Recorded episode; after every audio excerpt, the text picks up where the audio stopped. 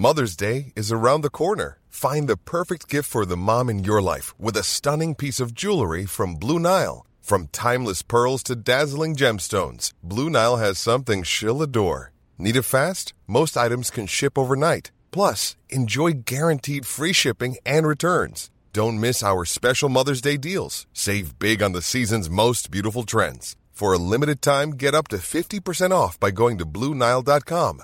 That's BlueNile.com. Hej allesammans och välkomna till Mardrömmarnas podd. Idag så ska vi prata om ämnet mytiska varelser. Precis, och vi har riktigt spännande varelser att berätta om i det här avsnittet. Men jag tycker att vi börjar med din Julia. Ja, och jag ska ju prata om Wendigos, så jag tänker att vi börjar direkt.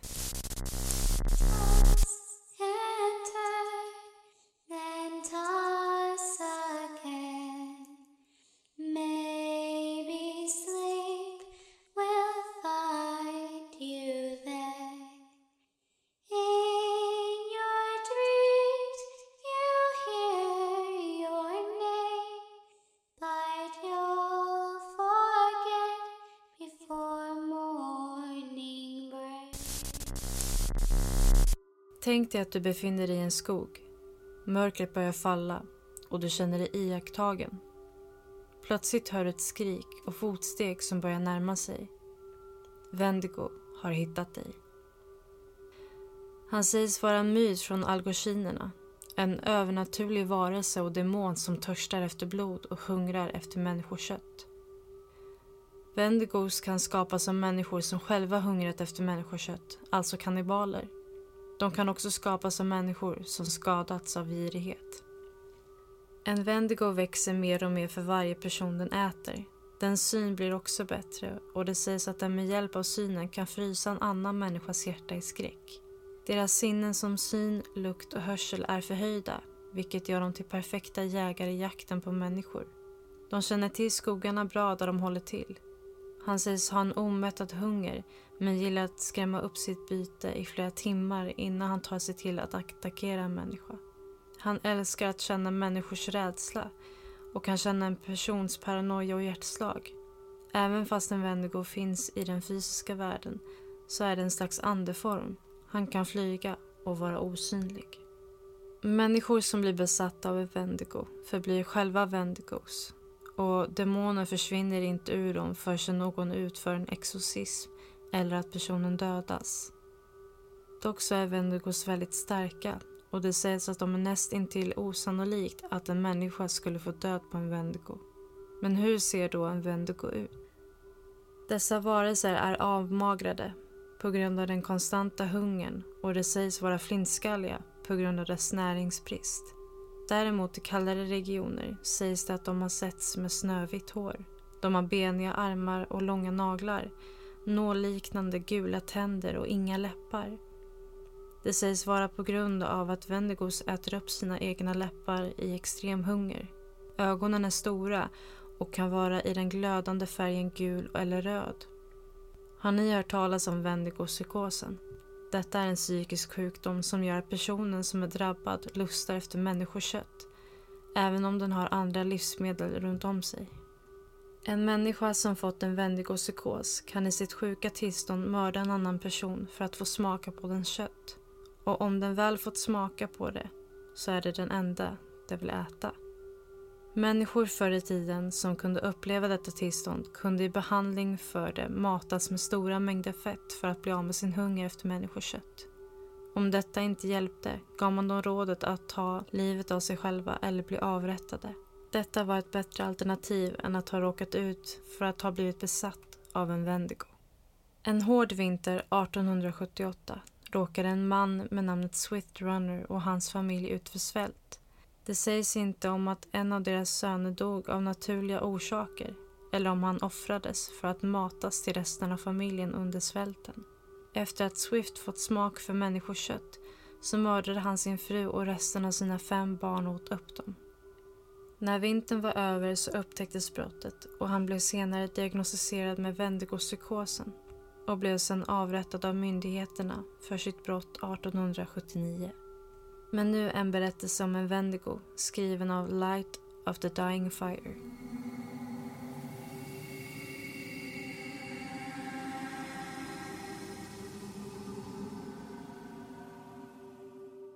Ända sedan historien började har mänskligheten varit fascinerad av eld.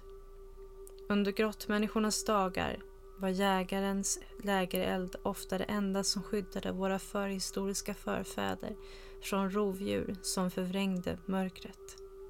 Scenariot måste ha varit skrämmande när grottmännen satt runt deras eldar och visste att döden kollade på dem från skuggorna. Något som den här upplevelsen måste ha präglat sig på mänskligheten i dessa dagar. För till och med idag kan en lägereld ge rysningar till de flesta och med tanke på de rätta omständigheterna. Och ett av favoriterna på campingresorna är att sitta runt en eld och berätta skrämmande historier. Många kanske tycker att denna tradition är gammaldags. Men jag kände alltid en liten spänning när samtalet skulle vända sig till berättelser om det mörka. Det är särskilt en natt som fastnar i mitt minne. Och när jag berättar för folk om det är de förvånade över att jag inte går i terapi. Människor frågar mig ibland vad det mest skrämmande jag någonsin upplevt är. De blir oftast förvånade när jag berättar för dem att jag måste tänka på det ett tag. Jag kanske inte ser ut som en person som det händer konstiga saker kring, men jag har råkat ut för en hel del. Detta är en sån historia. Till att börja med måste jag ge lite bakgrundsinformation. Jag är den äldste sonen till en stor familj och jag bor i nordöstra USA. Jag har varit tvungen att fuska namnet på personer och geografiska platser, även om vissa personer kanske kan känna igen de platser och människor jag hänvisar till. En av de största glädjeämnena i mitt gymnasieliv var mina aktiviteter med scouterna. Jag var en Eagle Scout och en brödraskapsmedlem av Order of the Arrow, scoutings ära till samhället. Så jag är inte främmande för utomhus. Faktum är att jag älskade scouting så mycket att när jag var gammal nog gick jag med i personalen på Six Hills Scout Camp som sommarlägerskurator. Liksom de flesta sommarlägersarbetare hade jag medarbetare som var bland de mest fantastiska människor som jag någonsin träffat. Några som jag önskar att jag aldrig hade träffat och en del människor däremellan. De två personer som jag umgicks mest med var mina vänner Topper och Joe. Jag hamnade faktiskt på samma college som Topper. Topper var en mycket logisk kille som älskade att studera växter och djur i vildmarken och tyckte ofta om att prata om det, medan Joe var mer blyg av sig. Vi tre var ungefär i samma ålder och efter vårt juniorår på college fann Joe sig en flickvän som heter Ann som ofta besökte lägret. Tyvärr för varje Topper och Joe fanns en Kyle. Kyle var en av de människor som gav mig rysningar och ändå så fann kvinnor honom oemotståndlig. Kyle hängde ofta med flera flickor på samma gång och kunde använda dem för vad han ville för att sen släppa dem i smutsen efteråt och sedan skryta om det. Onödigt att säga att ingen kunde stå för honom. Och den enda anledningen till att han var på läget var för att hans farbror var lägerchef. Den sista personen i lägerpersonalen som spelade in i den här historien var Bert. Bert drev lägets hälsostuga och var primärt ansvarig för att ge ut mediciner till campare som behövde det. Det faktum att Bert var ansvarig för hälsa var en källa till stor underhållning för de flesta campare då han var mycket gammal och inte i sin bästa form. I själva verket körde han ofta runt på lägret i en golfbil då han inte kunde gå längre sträckor så bra. Trots detta var Bert faktiskt en ganska cool kille när du lär känna honom. Han var en Eagle Scout och hade rest runt i världen en hel del även om han var mycket förtegen om varför han reste så mycket. Om du fick honom att prata kunde han berätta några fascinerande historier om de saker som han hade gjort eller legender som han hade hört talas om. När den sista veckan av sommarlägret gick mot sitt slut det året fanns det en känsla av melankoli bland personalen. Så mycket som barnen hade drivit oss till vansinne så skulle vi ändå sakna dem. Den sista scouttruppen hade lämnat den morgonen och Joe, Ann och Topper och jag satt runt en lägereld som den sista kvällens ljus hade att bjuda på. Som vanligt vände sig samtalet till skrämmande historier. Men vi fann att vi redan hade gått igenom de flesta.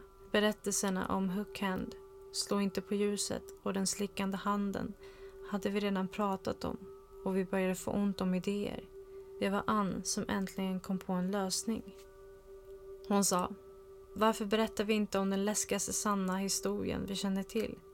Nu kör vi med Baron von Ruthless 91, sa Topper. Skämta inte ens om det, sa jag. Det är en lång historia som jag inte vill gå in på just nu.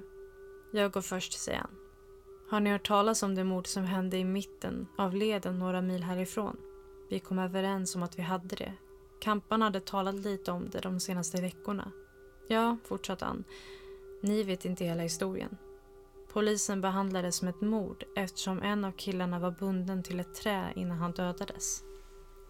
Det märkliga är att den andra mannen och kvinnan som var med honom praktiskt taget slets i bitar. De hittade delar av dem upp till en mil från där de dödades. Vilken typ av man kan göra något sånt? Det säger också att några andra vandrare på spåret hade hört konstiga ljud den natten. Förmodligen coyote eller räv, föreslog Joe. De gör ganska konstiga ljud ibland. Nej, inte så här gör de inte, sa han. Det är så att jag fick reda på allt detta. Det är så att min pappa är zoolog och de lät honom lyssna på inspelningen av ljud som vandrarna hörde på spåret. Han sa att det definitivt inte var något djur han någonsin hade hört tidigare. Det konstiga med det här är att om ett slags ljud dödade dessa tre människor, hur hamnade den killen fast vid ett trä innan björnen eller vad det nu var dödade honom? Tanken var oroande. Vi satt i en obekväm tystnad i flera minuter och vi nästan hade en hjärtattack när en kvist knäpptes av i bakgrunden. Det var ett kort ljud och horn av en stor hjort som syntes över toppen av en buske. Vi andades en suck av lättnad när vi såg hornen. Rådjuret var lika rädd för oss som vi var för dem och efter en minut så hörde vi den röra sig bort genom busken.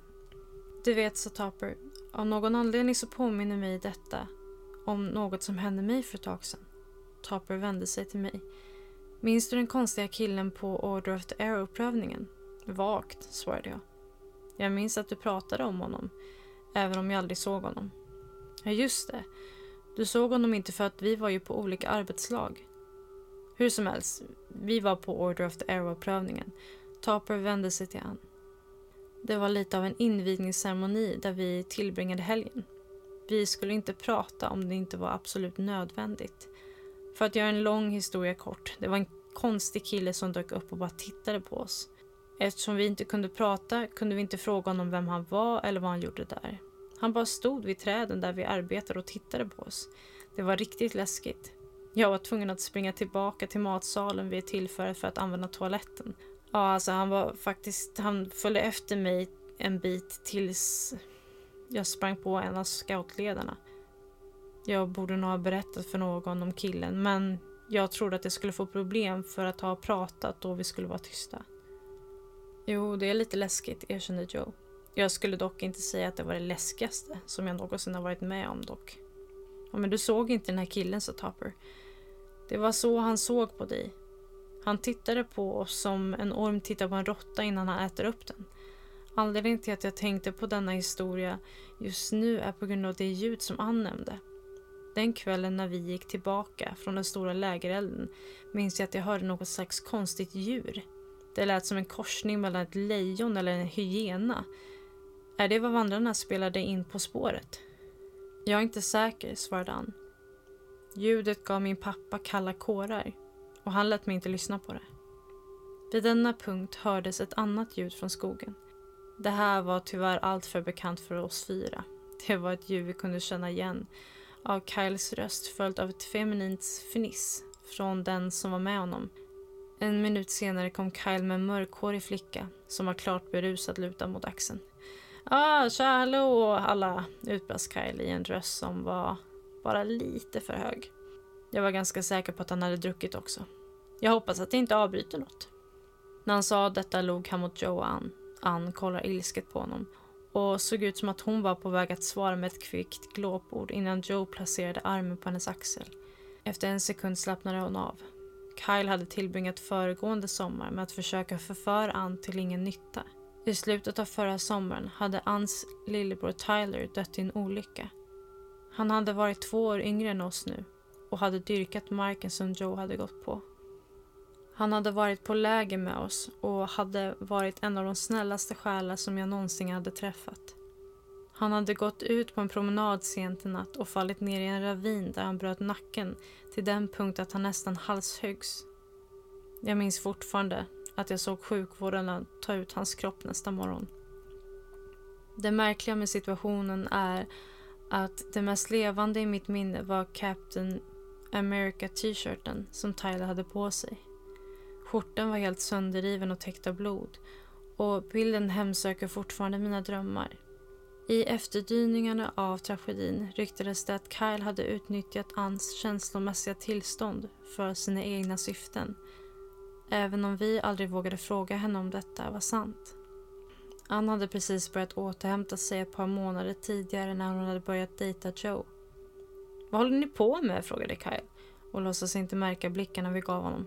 Och eh, förresten, det här är Whitney, sa han gestikulerande till flickan som hängde på axeln. Hon vandrade längs leden och gick vilse. Ja, jag erbjöd mig att ta hand om henne för natten tills hon har hittat tillbaka. Det finns ju en mördare på fri fot. Whitney fnissade igen. Vi sitter och berättar skrämmande historier om saker som har hänt oss, sa Joe tyst. Jag antar att det är min tur nu. Kyle skrattade till. Kommer det här att handla om stackars Tyler igen, hånade han. Vid den här punkten började jag stå upp för att visa Kyle exakt vad jag tyckte om honom. Tack och lov för mitt välbefinnande. Kyle var blek och mager men förvånansvärt stark. Så stoppade Topper mig. Han är inte värd det, sa han tyst. Vad pratar Kyle om, frågade han. Hände nog något mellan dig och Tyler? Joe blinkade. Det stod klart att han inte hade planerat att berätta just denna historien. Det är lite komplicerat, började han. Saken är den... Jag lider av något som kallas sömnparalys. Det är när du vaknar upp från en dröm och är vid medvetande. Men du kan inte röra dig. Ibland ser man konstiga hallucinationer. Ofta hallucinationer för mig är långa skuggfingrar med många tänder. Jag kunde vakna klockan tre på morgonen och inte kunna röra mig. Efter några minuter kunde jag höra min garderobsdörr öppna eller något röra sig under min säng och sedan skulle skuggvarelserna visas. Ibland rörde den vid mig. Även om jag vet att den inte är verkliga kan jag fortfarande känna den mot mitt ansikte eller sittande på mitt bröst. Jag hade en av dessa episoder natten Tyler dog. Jag vaknade men kunde inte röra mig eller prata. Jag såg Tyler sitta i sängen. Jag såg honom titta på sin telefon och sen gå ut. Han måste ha fått ett sms eller något. Poängen är att jag såg ett gäng skuggvarelser följa honom ut.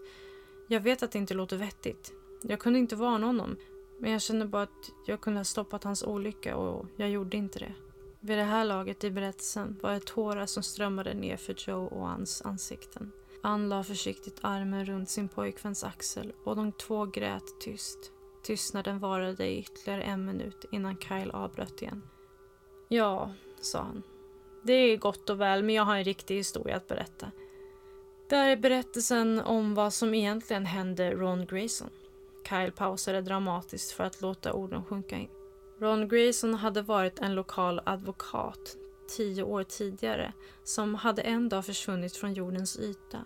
De hittade hans bil övergiven på en stormarknadsparkering och hans mobiltelefon i floden några mil bort. Men någon kropp hittades aldrig.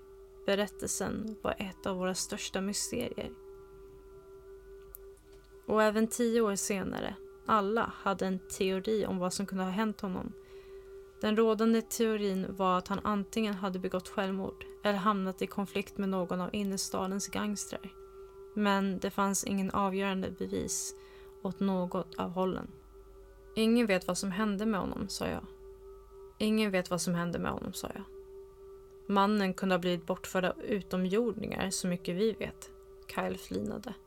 Ja, det är vad du tror. Men detta är saken. Minns ni två år sedan, när jag var tvungen att tillbringa ett par dagar i fängelse på dessa narkotikaanklagelser? Ja, vi kommer ihåg. Anklagelserna hade så småningom lagts ner. Min cellkamrat var en kille som arbetade för maffian som en hyrd mördare. Han var där och väntade på rättegång. Vi höjde våra ögonbryn skeptiskt. Jag menar allvar, den här killen var en hardcore mördare. Han, Men han var en enda röra. Tydligen var det en träff som gick fel för några år sedan. Han och hans partner skulle lämna advokaten som åtalade sin chef. Så hans chef skickar min kompis och hans partner för att få problemet att försvinna. Ja, ni fattar. Saken är den att min kompis gamla partner är som en katt. Han gillar att leka med sin mat innan han äter den. Hur som helst, han övertygar min kompis att kidnappa den här grabben. De hittar en hemlös unge i Pittsburgh som ingen skulle sakna och de tar hit honom. De har en advokat bunden i skogen och de säger att de kommer låta honom gå så länge han skjuter ungen. Och nog skjuter den här advokaten ungen för att rädda sig själv men problemet är att advokaten skjuter så att den här killen inte dör direkt. Han börjar skrika blodigt mord och sedan börjar något i skogen skrika tillbaka. Min kompis blir skrämd så han sätter sig i bilen och lämnar sin vän för att avsluta jobbet. Saken är den att hans vän aldrig kommer tillbaka. Min kompis går upp till den platsen där de hade advokaten nästa dag. Men det finns inget där. Ingen advokat, ingen unge, ingen psykomördare Tyra och inget monster. Hur som helst. Det var så den här killen berättade historien för mig. Nästa dag hänger han sig i sin cell. Jag kommer ut och tittar upp några försvinnande runt där den här killen hade sagt att det skulle ha hänt. Och jag ser att Ron Grayson försvann runt den tiden. Så där har du det. Advokaten blev uppäten av ett monster. Kanske var det samma som dödade vandrarna. Återigen var det ett ljud i buskarna och vi alla hoppade till. I fjärran hörde vi ett svagt tjut. På den tiden tänkte jag att det var en prärievarg. Men nu är jag inte så säker. En sekund senare lyste ett ljus genom trädgrenarna och det var ett konstigt mullrande ljud. Vi släppte alla ut en suck av lättnad när Berts golfbil kom puttrande runt kurvan. Huffande, som om han hade sprungit ett maraton, lyfte Bert sig ur golfbilen och satte sig vid elden. Han stoppade handen i fickan och tog ut en godis och gav till Kyle. Topper höll ut sin hand för att få godis också men Bert verkade inte se honom. Jo, det är det. Bert suckade. Jag har precis avslutat en genomgång av läget och allt är mer eller mindre i god form. Även om Troop 83 lämnade en gigantiskt valv i mitten av sin campingplats av någon anledning. Ja, jag antar att det betyder att vi ska komma iväg tidigt imorgon då, säger jag. Jag ser fram emot några dagars vila innan jag går tillbaka till skolan för terminen. Ja, jag tror att det är min tur att berätta en läskig historia, sa Joe till mig. Så jag började min berättelse. Kyles berättelse påminde mig faktiskt om något, började jag. Jag tror faktiskt att jag såg Ron Grayson på just detta läge för ett år sedan eller något tillbaka. Men han är död, utbröt Kyle. Hörde du inte min historia? Ja, men då måste det ha varit hans spöke då, fortsatte jag. Det var jättekonstigt i alla fall. Jag gjorde en nattpatrull i läget förra sommaren och jag tror att jag såg någon nere vid handelsplatsen. Jag fick bara en glimt av honom när han gick runt hörnet. Jag tyckte det var konstigt och jag kände inte igen honom som en av scoutledarna. Så jag bestämde mig för att undersöka lite mer. Jag gick upp på handelsplatsen och det stod en man i hörnet och tittade ut över sjön. Det fanns några scouter på andra sidan sjön och mannen tittade på dem. Vi stod där på det viset ett tag. Han tittade på scouterna och jag tittade på honom. Sen vände han sig plötsligt om och såg mig. Sen svär jag att jag inte hittar på det här. Ur honom växte ett par stora horn. Han skrek åt mig och sprang ut i skogen. Jag tänkte berätta för någon om det då, men jag tror inte att någon skulle tro mig. Poängen är att jag läste i tidningen för några månader sedan och jag såg några nyheter om Ron Grayson. Och de hade en bild av honom. Jag insåg att det var mannen jag såg på verandan. Ja, åtminstone innan det växte ut ett par horn och han gjorde sin bästa Nasco-imitation i mitt tycke. Jag hade faktiskt en bild av artikeln på min telefon om ni vill se.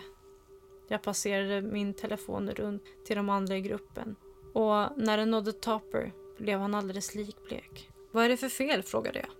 Ingenting, svarade han. När han såg att ingen trodde honom fortsatte han motvilligt. Ja, det är bara det att den advokaten ser väldigt mycket ut som den killen som följde efter mig i min berättelse. Min tur, min tur, sa Whitney, fortfarande mycket berusad.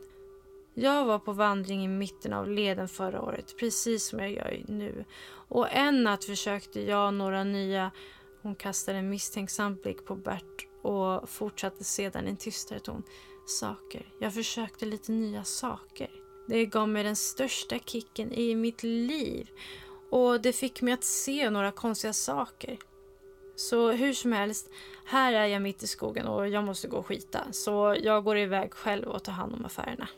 Tänk på detta som att träden försöker berätta för mig meningen med livet. Hur som helst. Jag är på väg tillbaka när jag ser greve Dracula slåss med Captain America på toppen av denna kulle. Jag inser att detta bara är droger naturligtvis. Men jag vill fortfarande inte att de ska se mig. Jag kan höra dem skrika åt varandra. Kaptenen sa åt greven att hålla sig borta ifrån min syster eller något sånt. Ja, det var konstigt. Så småningom. Eh, greve Dracula träffar Captain America över huvudet med en pinne och sen kastar han ner honom på andra sidan kullen.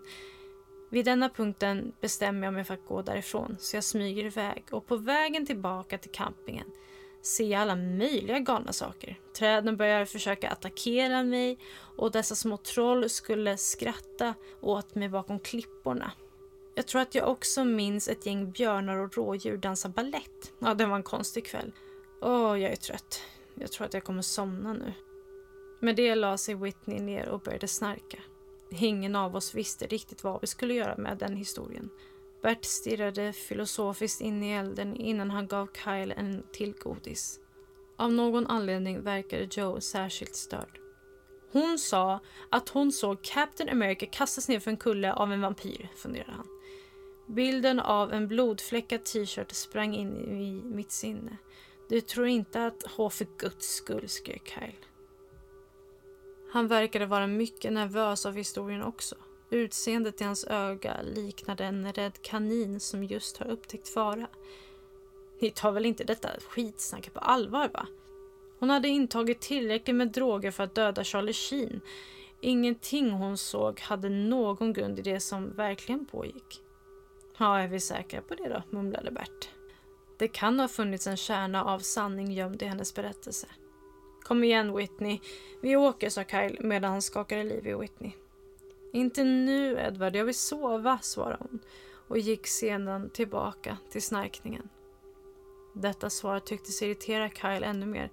Han svor åt oss alla och han stormade bort från elden mitt in i natten.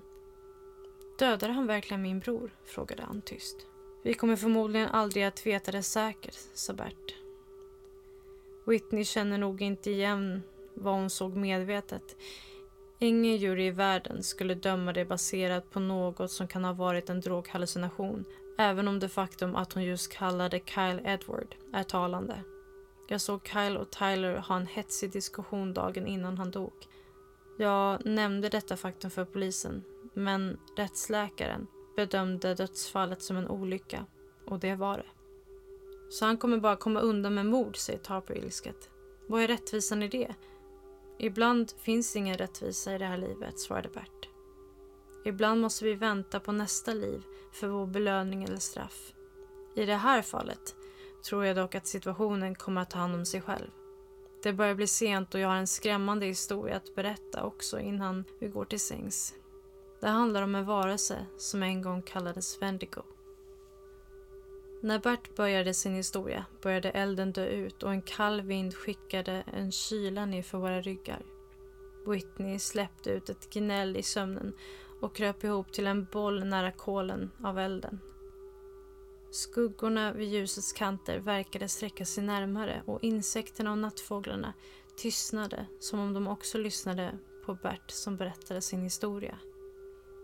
Indianerna skulle berätta för sina barn historier om Wendigo de kallade honom ibland skogsjätte. Historien säger att Wendigo kunde ändra sin form så att ingen kunde se honom komma eller döda honom. Legenden går också att en man kan bli en Wendigo om han någonsin åt människokött. Det var så de gamla historierna brukade gå. När jag var mycket yngre träffade jag en medicinman när jag gjorde en del arbete på en bokning. Han berättade några flera historier om dessa varelser han sa att en man inte behövde vara en kannibal för att förvandlas till en Wendigo längre. Även om det fortfarande var ett bra sätt att bli en.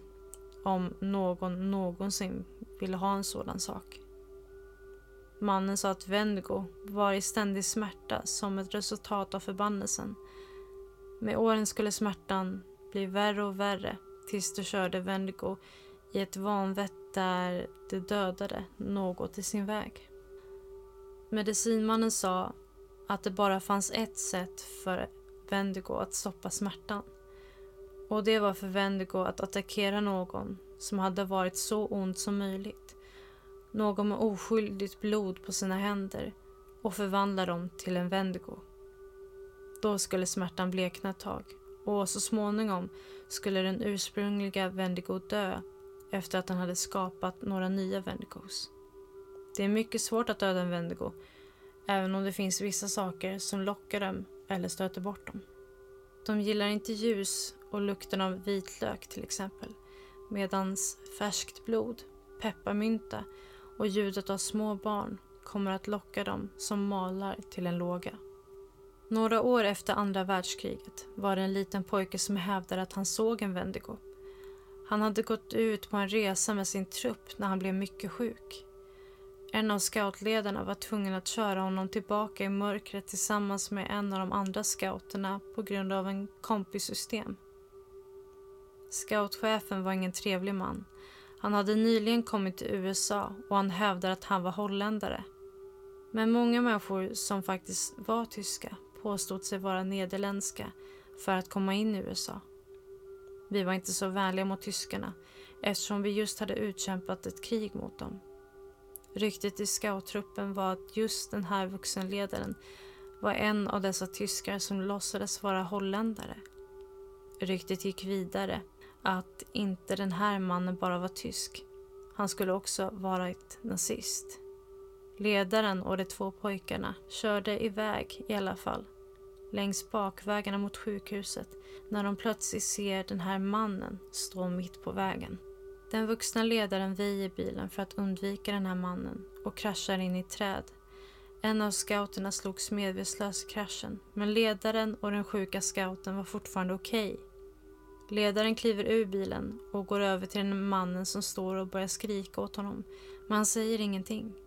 Han stirrar bara på ledaren och de två scouterna. Den sjuka spanaren är tillbaka i bilen och lyckas dra ut sin vän ur det havererande fordonet där scoutledaren hade lämnat dem. Vid denna tidpunkt växer det ut ett par stora horn ur mannen på vägen och han öppnar upp munnen. Spanaren kan se att alla mannens tänder är minst tre gånger så stora som en normal mans tänder och är mycket vassa. Den främmande mannen hoppar på scoutledaren och börjar slita honom i stycken innan han kommer efter pojkarna. Lyckligtvis lyckades en scout hitta en stor ihålig stock och drog in sin vän innan monstret kunde nå dem. Vendigo tillbringade resten av natten rivandes på stocken och försökte komma åt pojkarna. Runt gryningen gick den tillbaka upp till vägen och hukade sig över scoutledarens kropp. Pojken svor då att han såg den dödes ledaren ställa sig upp och följa med monstret in i skogen. Solen gick upp och en sökpatrull hittade de två scouterna några timmar senare. Den lilla pojken tillbringade resten av sitt liv med att leta upp information om alla typer av monster och reser runt i världen för att få höra de olika historierna om dem. Så att han kunde ta reda på vad det var som hade hänt honom den kvällen. Det var en lång tystnad efter att Bert avslutade historien. Tills Whitney släppte ut ett fyllefniss. Tydligen hade hon vaknat en bit in i historien. De skrämmande historierna skulle vara sanna historier som faktiskt hade hänt oss, sa hon. Förlåt, sa Bert efter en liten paus. Mitt misstag. Jo, vi borde väl avsluta nu, sa Joe. Vi har en lång dag imorgon också. Ja, det låter bra för mig, säger Bert. Han vände sig till Whitney. Har du någonstans att bo i natt? Ja, jag har en campingplats några mil upp för leden, svarade hon. Vet du vad, sa Bert. Man kan sova på soffan i hälsostugan. Något säger mig att ikväll inte är en bra kväll att vara ensam i skogen. Bert hjälper Whitney in i golfbilen och de två körde iväg nerför leden. På avstånd var det ett mycket svagt ljud som kunde ha varit ett mänskligt skrik som plötsligt tystnades. Kort därefter var det ett konstigt samtal som lät som en korsning mellan ett lejon och en hyena. Topper, Joe och Ann och jag bestämde mig för att dela tält, som igår kväll. Jag hade en konstig känsla att vi aldrig skulle få se Kyle igen och det gjorde vi inte. Topper hävdar att det förmodligen beror på att han rymde av rädsla för att ha blivit arresterad för mord. Jag är inte så säker. Den sista natten i skogen jag minns driver jag iväg för att sova med drömmar fulla med behornade män och pepparmyntsgodis.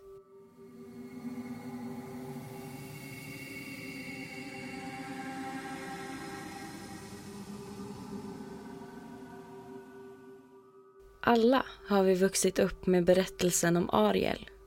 En vacker kvinna som lever nere på havets botten och drömmer om livet uppe på land. När man tänker på sjöjungfrur så är det oftast den första bilden som poppar upp. Men det finns otroligt många versioner. Nästan alla är så långt ifrån den vackra, godhjärtade sjöjungfrun vi alla älskar. Sen är ju inte originalversionen av den lilla sjöjungfrun alls som Disney har porträtterat den.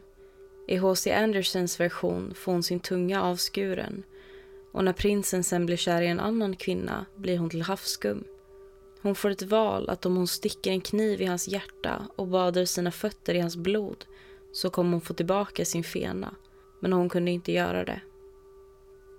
Den äldsta teckningen av en människa med fiskstjärt som har hittats är bland gammal babylonsk konst, runt bronsåldern.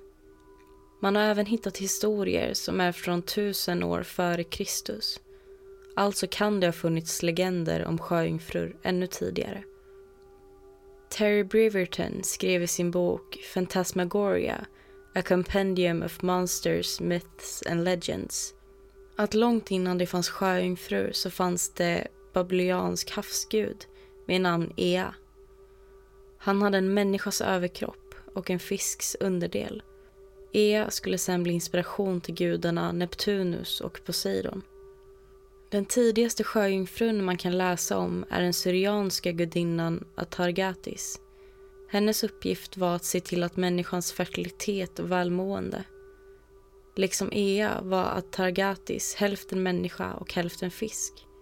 Hon blev kär i en människa, men hennes ovanliga styrka blev till slut hans död. Fylld med skam och ånger försöker hon ta sitt liv genom att hoppa ner i vattnet. Vanligtvis blev gudarna till fiskar om de dök ner i havet. Men hennes skönhet stoppade förvandlingen halvvägs. Och därmed var hon den första sjöjungfrun. Det finns väldigt många olika sorters sjöjungfrur. Sirener är nog något av de flesta känner till och de kommer jag ta upp lite senare. Men först tänkte jag gå igenom några av dem och vad som skiljer dem åt. Det kommer delas upp i tre delar. Deras ursprung, vart de befinner sig i världen och vad deras krafter är. Först ut har vi gudar som var sjöjungfrur. Här kommer gudinnan Targatis in, som jag precis berättat om.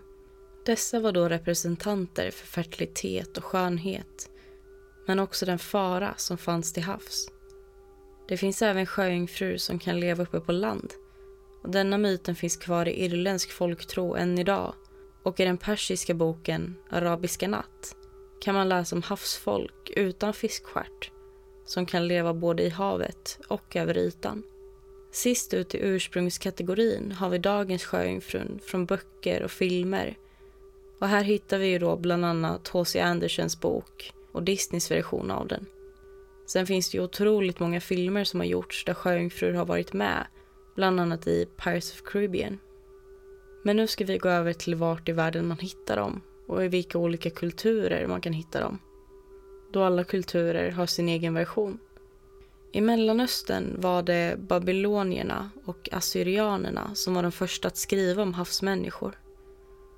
I Europa hade vi först och främst den grekiska mytologins sirener, vilket nog de flesta känner till. I rysk folktro är rusalki andar av kvinnor som tog sitt eget liv eller var nedsänkt i vattnet tills hon drunknade på grund av oönskade graviditeter. Deras själar levde vidare för alltid i form av hämndfulla sjöjungfrur som straffade män och barn för deras öde. Om du träffade en rusalka skulle hon locka dig med sin skönhet och få dig att känna dig trygg med sin lugnande röst. När du var i hennes grepp skulle hon hålla dig under vattnet tills du drunknade, precis som hon. Men i vissa versioner av historien så skulle hon istället kittla dig till döds medan hon skrattade själv. I Japan och Kina hade sin myt om sjöjungfrur som kunde göra människor rika om de var värdiga. Hon avbildades ofta med en kropp som var delvis formad som en orm istället för med en stjärtfena. Melusin är en havsdjur från den franska mytologin med några justeringar från den traditionella sjöjungfrumodellen.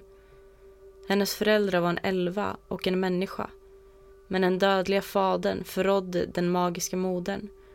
Och när Melusin fick veta om förräderiet fängslade hon sin far i ett berg. Hennes mamma, rasande, förbannade henne. Från och med då skulle hon förvandlas till en orm under midjan varje lördag. Den vackra Melusin vann så småningom hjärtat av en kung även om hon fick honom att lova att inte kika in på henne på lördagar. Men det gjorde han naturligtvis och när han såg hennes monstruösa utseende flög hon bort. Afrikas sjöjungfru liknar mycket dem de har i Karibien. Hennes namn är Mamivata. Hon har varit mycket med och inspirerat många andra historier om sjöjungfrur runt om i världen. Sist ut har vi Sydamerikas version. Hennes namn är Yara. Hon är en ond vattenande från Amazonas som är skyldig till mångas lidande och död. Så nu när vi har klarlagt vart de olika sjöjungfrurna kommer ifrån så ska vi gå in på den sista kategorin, vilka olika krafter de har. Först ut så har vi ju såklart de klassiska sjöjungfrurna. De är vackra, kärleksfulla och blev ofta förälskade i sjömän. Sen har vi de fasade sirenerna. Dessa varelser är onda. De styr över väder, läser tankar och gör allt för att förstöra. Intressant nog så är sirenerna originellt inte halvt fiskar utan halvt fåglar i den grekiska mytologin. Och det var inte deras utseenden som var vackert utan det var deras röster som gjorde dem vackra. Det finns även sirener som är bundna till att leda sjömän genom farliga vatten så kallade fartygsräddare. Dessa sägs dock bara varit djur som misstagits för sirener av sjömännen. Och sen har vi sirenerna som lurar ner sjömännen i vattnet med sin skönhet och sång. Ibland med bra avsikter, men oftast inte. Det finns många myter om sjöjungfrur som kunde förvandla sig till olika havsdjur och såklart också till människor. En annan myt är väderändrare dessa sjöjungfrur kunde styra vädret och påverkade då sjömännen i närheten. Och nu sist ut så har vi pärlgråtarna. De sades gråta pärlor otroligt vackra när de tog sina första steg på land. Varje steg mer smärtsamt än det första. Så nu har vi ju då gått igenom grunden till sjöjungfrur och de olika kulturerna som de kommer ifrån. Det jag kommer läsa upp nu är en creepypasta om sjöjungfrun från Deviant Art och är skriven av Suicide Kiss XOXO.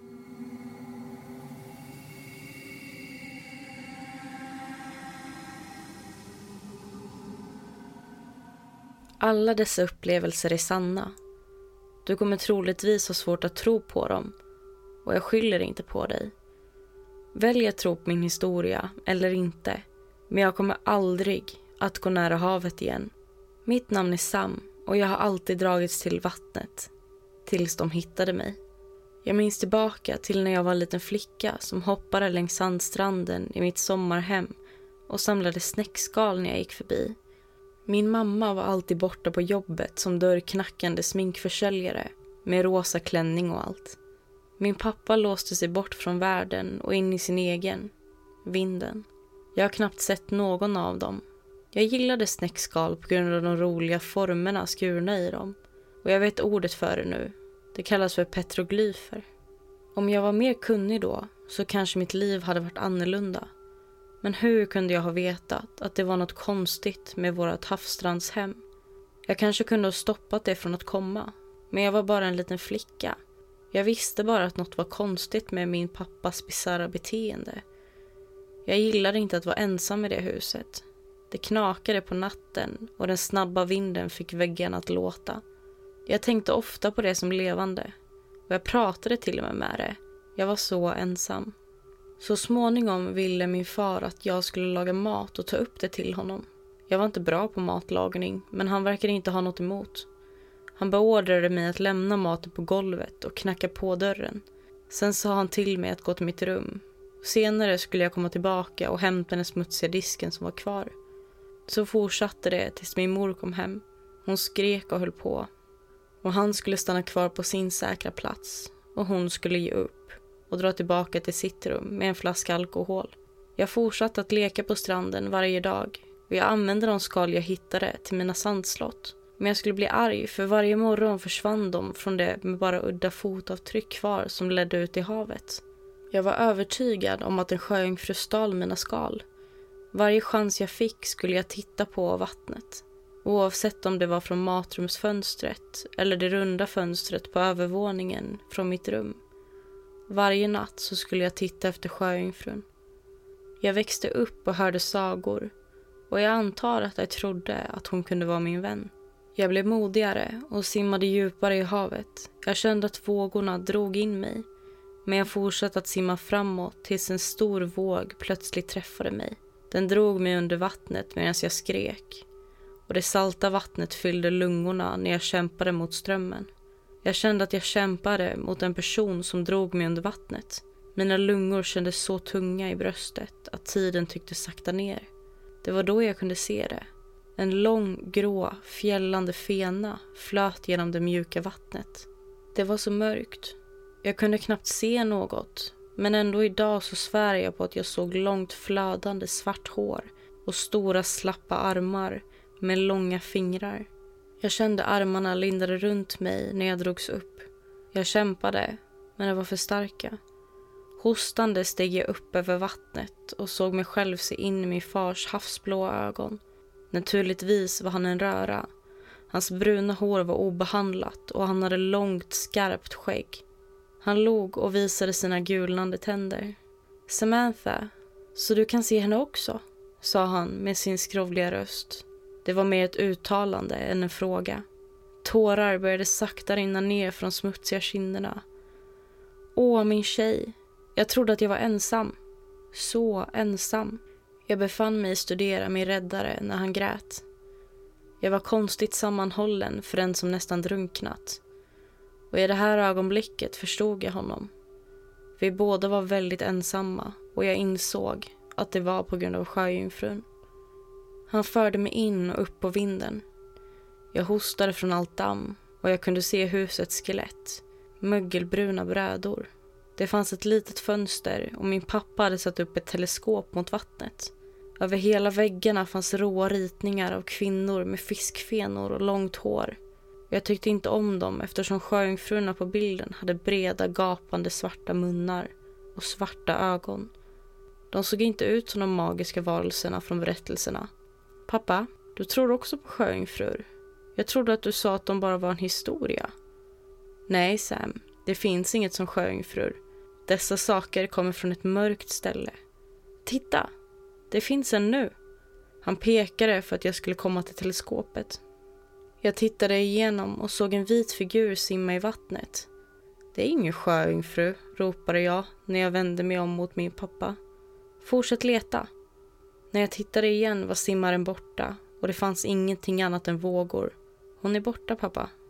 Min far suckade och sa till mig att gå ner. Jag vill att du ska se dem. De vill leka med dig. Och vid denna tidpunkt visste jag om att detta var onaturligt.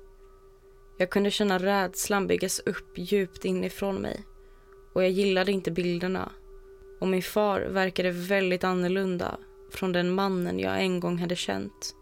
Han fortsatte att mumla innan han skrek åt mig att ordna mer mat åt honom. På vägen ut studerade jag en bild i synnerhet. Det var en bild på sjöjungfrur som simmade i en cirkel runt en död kropp. Ögonen var borta och blodet hade ritats med röd penna. En annan bild hängde bredvid den och det var en sjöjungfru som hade ett par ben i hennes enorma gap och resten av kroppen syntes genom hennes mage. Jag ville inte leka med sjöjungfrurna längre. Efter att ha fått min mat nöjde jag mig med att titta på tecknade filmer i mitt rum. Hur som helst, så småningom hörde jag skrik nere, vilket alltid innebar att min mamma var hemma. Så jag bestämde mig för att rita en bild till henne. Jag ritade en sjöjungfru som jag såg tidigare, men jag försökte få henne att se vacker ut. Eftersom jag inte sett hennes ansikte täckte jag det med hennes långa svarta hår när jag fyllde i vattnet med min blå krita. Jag tog ner den till min mamma som tittade på serier på tvn. Hon var klädd i en morgonrock och var förmodligen naken under. Hon hade slutat bry sig om kläder för länge sedan. Jag kunde se tatueringen av feminina rosa spindlar på benet. Hon hade stort lockigt blont hår och tjocka glasögon som jag. Jag försökte få hennes uppmärksamhet men hon ignorerade mig tills jag stod och blockerade hennes serie när jag höll upp bilden så att hon skulle titta på den. Hon tog den från mina händer och studerade den noggrant och grimaserade när hon tittade tillbaka ner på mig. Har du ritat den här? frågade hon. En mörk ton genomträngde hennes röst. Jag blev rädd. Jag visste att bilden hade gjort henne arg. Jag slingrade mig när hon ställde sig framför mig. Såg du henne? Pratade du med henne? Berätta! Min mamma flög fram i raseri och började slå på mig. Jag ropade och sprang bort. Jag kunde se henne trampa efter mig, men hennes promenad var mer ett svindlande. Hon såg dock inte mindre arg ut och jag gömde mig snabbt i en av de nedre skåpen i köket. Jag kände att jag andades snabbt och det var då jag hörde krasch av glas. Jag hörde glas träffa kakelgolvet och något annat.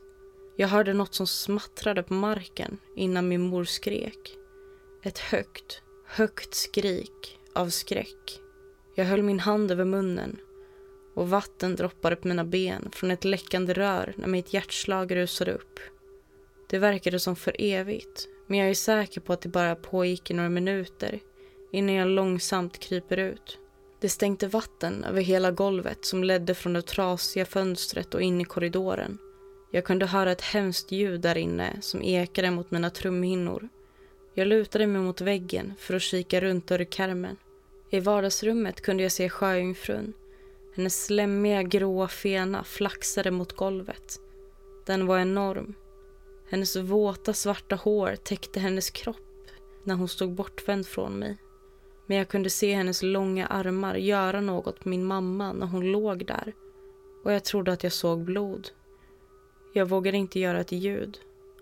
Och jag smög försiktigt upp för trappan mot vinden. Min plan var att få min pappa att hjälpa till att rädda mamma och lämna detta hus. Jag hörde dunkande ljud bakom mig vid dörren. Jag vet inte riktigt varför jag inte gick in då. Det var bara något med det dunkandet som skrämde mig nog att fortsätta ner i korridoren och gömma mig i badrummet. Jag stängde tyst dörren bakom mig och gömde mig i garderoben. Jag väntade och väntade. Varje andetag skakade och tårarna rann ner för mitt ansikte. Jag kände skräcken genom varje muskel precis när badrumsdörren öppnades. Jag hörde sjöjungfrun starta kranen till badkaret. Jag öppnade dörren en aning och tittade igenom. Jag såg de rosa tatueringarna som min mamma har på benen. Så jag släppte en lättad suck. Rädslan lämnade mig när jag lämnade garderoben. Mamma, är du okej? Okay? Frågade jag skrämt. Jag stannade. Det var inte min mamma. Jag kan inte förklara det idag. Jag gick igenom varje medicinsk bok och till och med okulta böckerna och jag vet inte hur jag ska rationalisera det jag såg. Men jag vet att det faktiskt var på riktigt. Jag såg sjöjungfrun som stod där med min mammas ben och fenan fanns ingenstans att se. Hennes långa våta hår täckte ryggen och hennes skarpa ryggrad stack igenom. Hennes hud var en grön grå färg och jag kunde se fjäll täcka hennes armar och djupt rött blod droppade över hela golvet. Det jag såg därnäst förföljer mina drömmar även idag. I badrumsspegeln såg jag dens ansikte. Hur kan jag beskriva den fullständiga skräcken som vibrerade genom alla mina vener? Min andning och hjärta verkade stoppa när jag skrek till toppen av mina lungor. Dens ögon var helt svarta och lika stora som tallrikar. Det gapande hålet till mun var enormt. Käken sänkte ner till bröstet när slapp hud sträckte sig över den. Den hade inga tänder och en delad ormliknande tunga. Och munnen var så bred att jag kunde se varje rosa veck och ven, även nere i halsen. Jag fortsatte att skrika när jag sprang förbi monstret, ut ur badrummet och ner i korridoren. Jag hörde fotstegen snabbt springa bakom mig. Det var så snabbt att jag inte vet hur jag rymde. Jag läste senare om adrenalinrusningar och jag antar att det var det som det var. Men jag är säker på att om jag vågat titta bakom mig så skulle jag aldrig ha kommit ut ur det huset den dagen. Jag brast ut genom dörren och slängde igen den bakom mig.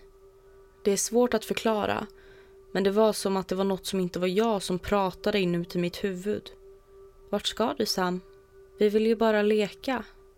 Mitt blod blev kallt när den sa ordet vi. Och när jag tittade ner på stranden kunde jag se dussintals skuggor stiga upp från vattnet. Skymningens ljus bakom dem gjorde det omöjligt att se deras detaljer. Och jag sprang. Jag sprang in i skogen och sprang tills jag nådde grannens hus. Jag borde ha misstänkt att något var fel när dörren lämnades vidöppen. Jag sprang in och slutade när jag såg den blodiga kroppen täcka golvet. Det är svårt för mig att beskriva, men det var överallt. Och det hemsöker mig nästan lika mycket som det förbaskade ansiktet. Jag gömde mig under trappan och jag hoppade åt varje ljud, säker på att saken var precis runt hörnet och väntade på att ta mig. Det måste ha gått timmar, men så småningom kom polisen och du skulle inte förstå den lättnaden som jag kände. Det kändes som för evigt innan någon kom in i huset. Poliserna hittade mig där och tydligen hade min pappa hängt sig på vinden och min mors kropp hittades aldrig. Jag vet att detta verkar omöjligt, tro mig. Jag vet hur svårt det är att tro på den här historien, men den är sann. Jag kan inte gå nära havet längre och varje snäckskal påminner mig om den saken. Jag började bara bada efter lite omfattande terapi. Du förstår, jag bor i ett grupphem nu och psykologerna berättar för mig att det hela bara var en hallucination orsakad av mitt missbruk. Jag trodde dem nästan. Efter omfattande behandling tog några av mina vänner mig från min skola till stranden. En av mina vänner dras då under vattnet. De sprang in efter henne men hittade henne aldrig. Hon försvann. Men jag hittade därefter långt svart hår vid vattnet tillsammans med några snäckskal. Och snäckskalen hade karvats in. Jag går aldrig tillbaka till en strand och jag går aldrig nära havet igen. Tror det eller ej, men jag läser som besatt om det här. Visste du att 90 procent av världens hav förblir outforskat? Bestäm själv vad du ska tro. Men se upp för vad som simmar i det okända havet.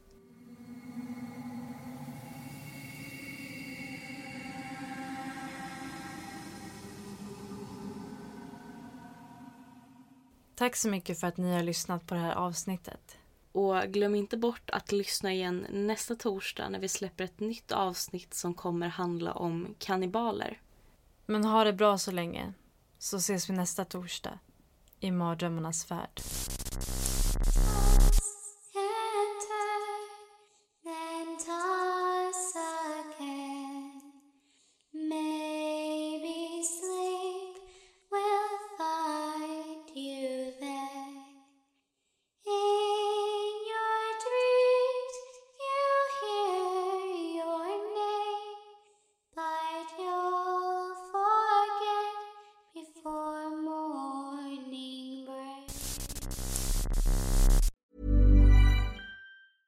Planning for your next trip? Elevate your travel style with Quince. Quince has all the jet setting essentials you'll want for your next getaway, like European linen, premium luggage options, buttery soft Italian leather bags, and so much more. And it's all priced at 50 to 80% less than similar brands. Plus, Quince only works with factories that use safe and ethical manufacturing practices. Pack your bags with high-quality essentials you'll be wearing for vacations to come with Quince. Go to quince.com slash trip for free shipping and 365-day returns.